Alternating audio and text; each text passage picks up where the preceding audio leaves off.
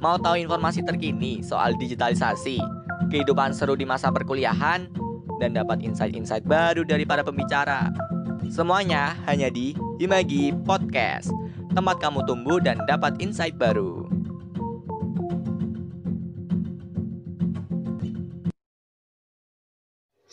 Halo semuanya, kembali lagi di Himagi Podcast.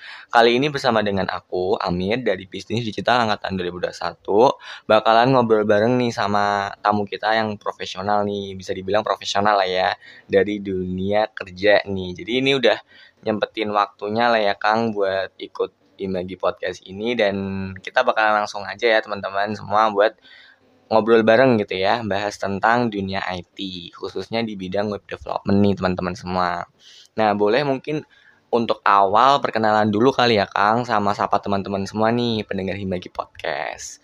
Mulai dari nama lengkap, biasa dipanggil apa, sama sekarang kesibukannya lagi ngapain gitu Kang. Boleh. Oke. Hai semuanya teman-teman Himagi, perkenalkan nama aku Adam Roja Budi. Uh, biasa dipanggil Adam. Uh, kerja di PT Taman Media, uh, khususnya di Krokodik. Terus juga uh, pekerjaan sebagai web developer hmm. uh, sudah kurang lebih lima tahun. Wah, berarti udah lama banget ya teman-teman semua. Nah, ini aku mau tanya deh Kang, Krokodik ini sendiri itu perusahaan apa sih Kang ininya? Uh, jadi uh, Krokodik itu adalah salah satu anak perusahaan dari PT Taman Media hmm. yang dikhususkan untuk uh, jas penyedia jasa hmm. pembuatan website gitu dan aplikasi gitu. Oh, berarti bisa buat website dan aplikasi yang biasanya orang-orang pakai gitu ya, Kang ya? Iya, gitu. Oke. Berarti ini tergantung sama pemerintahan permintaan klien, klien gitu, ya, benar, sama project-project yang datang ya, Kang ya? Iya, benar. Oke.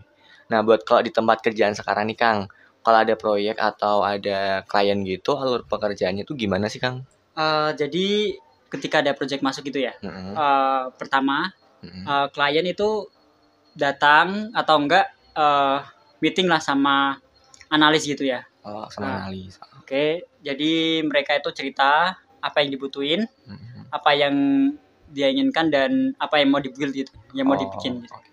Uh, terus setelah diceritain gitu kan nanti uh, analis meeting sama PM gitu ya. PM itu apa? PM itu project manager gitu. Oh, project manager. Ya, okay, jadi okay. nanti yang ngelit lah gitu hitungannya. Oke, okay, yang mimpin ini. Mimpin ya? projectnya, okay. bener terus kan itu udah itu uh. meeting internal internalnya udah uh. terus baru meeting bertiga jadi analis uh. PM uh. sama kliennya meeting bareng oke okay, buat nentuin kira-kira mau apa yang dibuat gitu ya, ya sama bener, jadi biar sampai deal lah gitu hitungannya oke okay. Terus habis dari uh, kliennya masuk dan udah ada ininya intinya udah ada apa ya namanya ya? Gambaran gitu ya. Uh, uh, nah itu tuh selanjutnya kalau buat pelaksanaannya sendiri itu sendiri kayak gimana gitu Kang buat okay. eksekusinya lah bisa dibilang lah. Oke, okay, jadi uh, untuk eksekusinya kan pertama jadi hmm. timnya dikumpulin dulu. Okay. Di dalam satu tim itu ada uh, analisnya tadi, hmm. terus PM, hmm. terus ada desainer, juga ada engineer. Jadi engineernya itu ada dua. Kalau misal uh, mintanya ada aplikasinya, nanti ada aplikasi developernya juga. Oh. Nanti juga ada tim testernya jadi. Oh, gitu. Oke. Okay. Nah, kalau misalnya Kang Adam sendiri nih, itu kan web developer kan. Nah, kalau web developer ini sendiri itu bagiannya tuh ada berapa sih Kang? Oke. Okay. Uh, eh, jadi kan ada tiga gitu ya. Okay. Pertama front end developer, mm -hmm. terus juga ada back end developer, terus juga ada full stack developer. Okay. Nah, jadi ini aku jabarin ya satu-satu yeah, ya. Jadi okay. untuk front end developer sendiri itu dia dikhususkan untuk tampilan saja. Mm -hmm. terus juga untuk backend developer mm -hmm. dia itu nanti ngurus server, mm -hmm. uh, database, juga mengolah data dari informasi yang dia terima gitu. Oh, jadi kalau front end lebih ke tampilan, kalau back end lebih ke ngurusin servernya ya Kang ya berarti ya oh, di iya. balik ya, di balik ininya berarti ya. Oke. Okay. Oh, juga tadi yang stop full stack tadi ya? Iya. Uh, yang full stack sendiri tuh dia ngerjain keduanya. Jadi front end oh. sama back endnya kerjain wow. sendiri. Berarti lebih berat lagi tuh ya full stack ya Kang? Iya benar. Oh, oke. Okay. Nah, kalau mis kalau misalnya Kang Adam ini spesialisasinya di bagian mana nih, Kang? Uh, kalau aku sih di bagian back end developernya. Oh, berarti yang ngurusin database dan teman-temannya ya, Kang? Iya, ya? database. Oke. Okay. Nah, kalau misalnya satu proyek nih, Kang, kira-kira tuh berapa lama sih pengerjaannya uh, gitu? Kalau di kantor sih biasanya rata-rata sekitar 2 sampai 3 bulan. Oh, 2 uh, sampai 3 bulan. Ya. Tapi juga ada yang proyeknya sampai satu tahun itu tergantung sama fleksibelnya sama apa permintaannya kliennya. Oh, sama kompleksitasnya, hmm, kompleksitasnya juga. gitu benar. Okay. Nah, terus nih Kang, selama kerja di back end developer gitu, jadi back end developer berarti kan nih Kang Kang Adam kan jadi back end developer kan ya Kang? Iya benar. Nah itu ada nggak sih Kang pengalaman yang paling berkesan gitu, yang misalnya bikin ini banget deh, uh, nguras tenaga banget atau misalnya effortnya tuh banyak banget gitu, sama sampai akhirnya nggak terlupakan gitu Kang? Oke, ini aku cerita ya. Jadi oh, iya dulu kan pertama kali training mm -hmm. sama sosialisasi project lah. Mm -hmm. Itu ceritanya dulu di Surabaya mm -hmm. uh, ada project dari Kemendikbud lah. Mm -hmm. Nah kita disuruh ke sana untuk sosialisasi. Mm -hmm. Nah jadi pas sampai sana kita awalnya itu udah oke okay lah, udah oke okay, proyeknya jalan. Mm -hmm. Tapi ketika udah ha, apa ya, jadi udah setengah jalan gitulah hitungannya setengah jalan eh projectnya itu malah ngedon apanya yang websitenya oh. maksudnya websitenya oh, ngedon nggak iya. bisa diakses uh -huh. dan di situ seketika kita lah panik lah gitu uh. di sana aku berdua sama temanku oh berdua doang tuh iya berdua jadi uh, PM uh. sama engineer engineernya aku okay. gitu di sana udah baru pertama kali ya pertama kali langsung ketemu banyak orang oh yeah. oh di sana itu jadi sosialisasinya itu uh, kita datengin uh, apa ya orang-orang dari berbagai daerah gitulah oh, di Indonesia gitu. Sosialisasi dari banyak daerah terus ngumpul sa dari satu gitu ya di Surabaya. Jadi Surabaya gitu. Terus pas waktu dia malah, malah ngedon, gitu. gitu Oke oke. Nah itu berarti uh, Kang Adem juga ngurusin database-nya kan? Iya benar ngurusin database. Dan itu cuma sendirian doang. Ya? Sendirian. Ya? Nah jadi aku di sana dulu full stack awalnya. Oh full stack. Oh nah. berarti awalnya dari full stack ya? Ah jadi gitu terus spesialisasinya habis itu ke back end. Back end gitu. Oke. Okay. Oh berarti keren juga ya Kang Adam nih ya udah berpengalaman awalnya dari full stack terus habis itu ke back end ya, biar gitu. dikhususin gitu loh. Oh, biar dikhususin sendiri dari perusahaannya itu ya. Iya, benar. Nah, terus nih Kang, uh, kalau misalnya tadi kan udah bicara tentang ini ya, fun fact-nya ya, pengalaman-pengalaman lah intinya hmm. jadi back end developer. Nah, kalau suka dukanya sendiri nih Kang, kalau jadi back end developer tuh apa aja gitu? Oke, kalau dari aku ya, itu hmm. kalau di kantor aku uh, sukanya ya kita bisa kerja di berbagai tempat lah. Oh, di mana aja? Uh, gak harus di depan office office gitu, oh, gak okay. harus di kantor gitu ya. Terus kita yang penting kita itu ada laptop ya. Terus hmm. itu paling lah. Iya, paling. Terus ada wifi, yeah. terus juga itu ada kopi lah minimal. Wah, kopi ini buat ngelembur, ya, ngelembur ya, ya bener. bener banget. Terus apa lagi tuh Kang? Kalau cobaannya nih Kang, kalau cobaan ya, back end developer. Gitu. Cobaannya gitu. sih ya paling ya kita error lah. Oh, error. Udah kebiasaan udah error. kebiasaan ya. error. Aduh udah kebiasaan banget kalau orang-orang dunia coding tuh udah pasti ini deh. Iya, basicnya error lah. Iya, sahabatnya error gitu ya.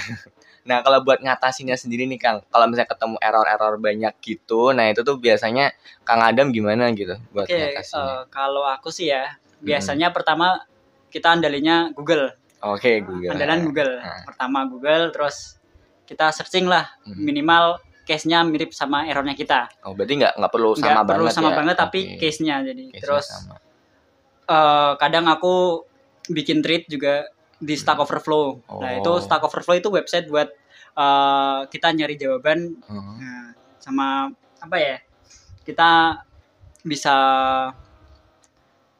bikin bikin pertanyaan di situ. Oh, oh berarti itu kayak ini ya Kang apa? Forum lah itu hitungannya. Oh, forum, ha. forum buat kalau orang-orang programmer mau tanya apa pun bisa di situ. Iya, gitu, kan? benar. Kan? Oke. Apa tadi kan namanya website? Full eh Stack, Stack Overflow. Oh, Stack Overflow. Oke.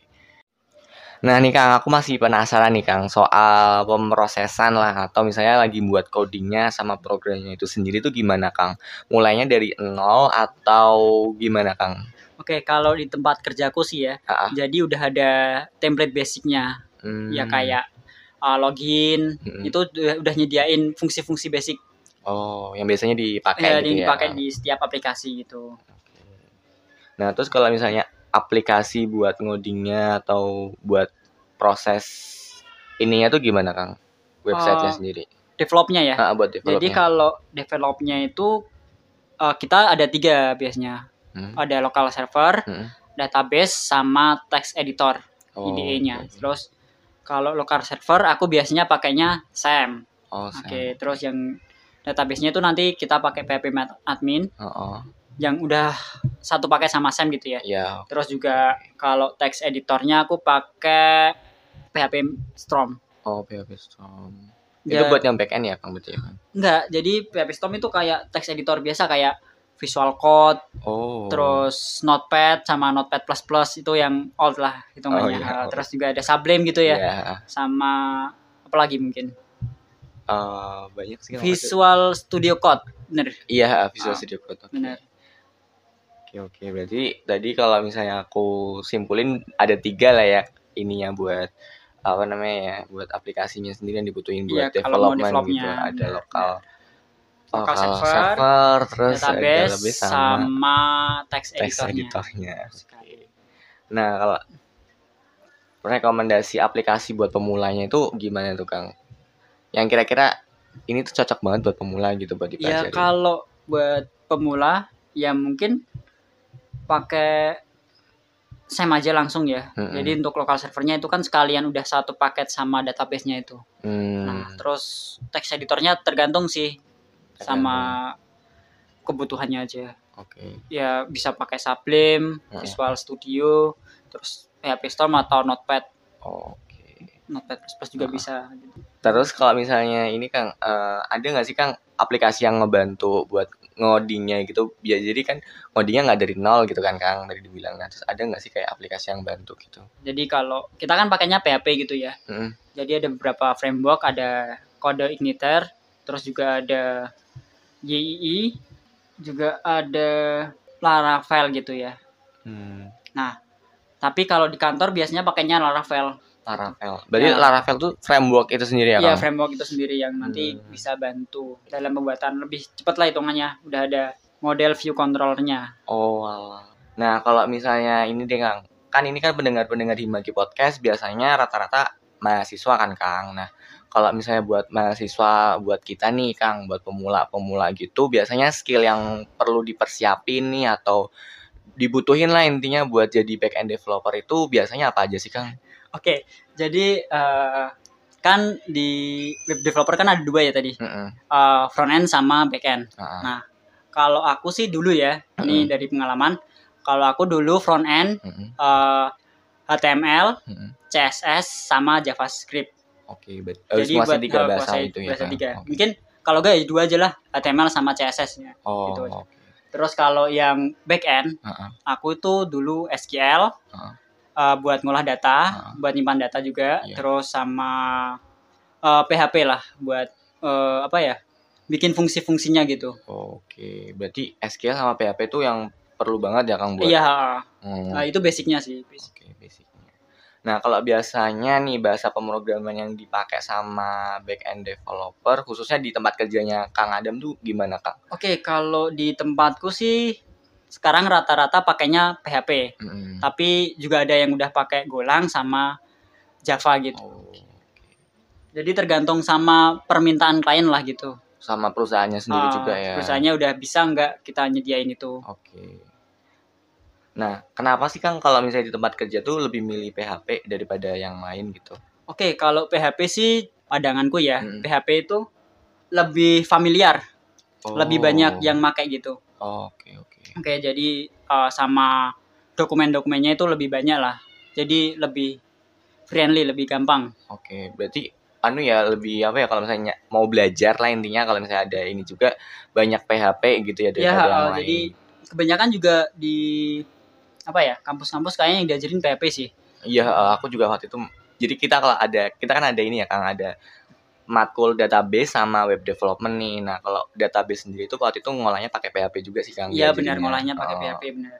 Tadi kan udah bicarain tentang ini ya kang bahasa pemrogramannya lah intinya yang dipakai sama perusahaannya Kang Adam gitu sama kalau biasanya klien tuh pakainya apa nah kalau rekomendasinya untuk pemula itu tadi Kang Adam bilangnya HTML, CSS, JavaScript buat front end. Iya benar. Terus yang kalau back end developernya itu ya, PHP, PHP sama, sama SQL, SQL gitu lah.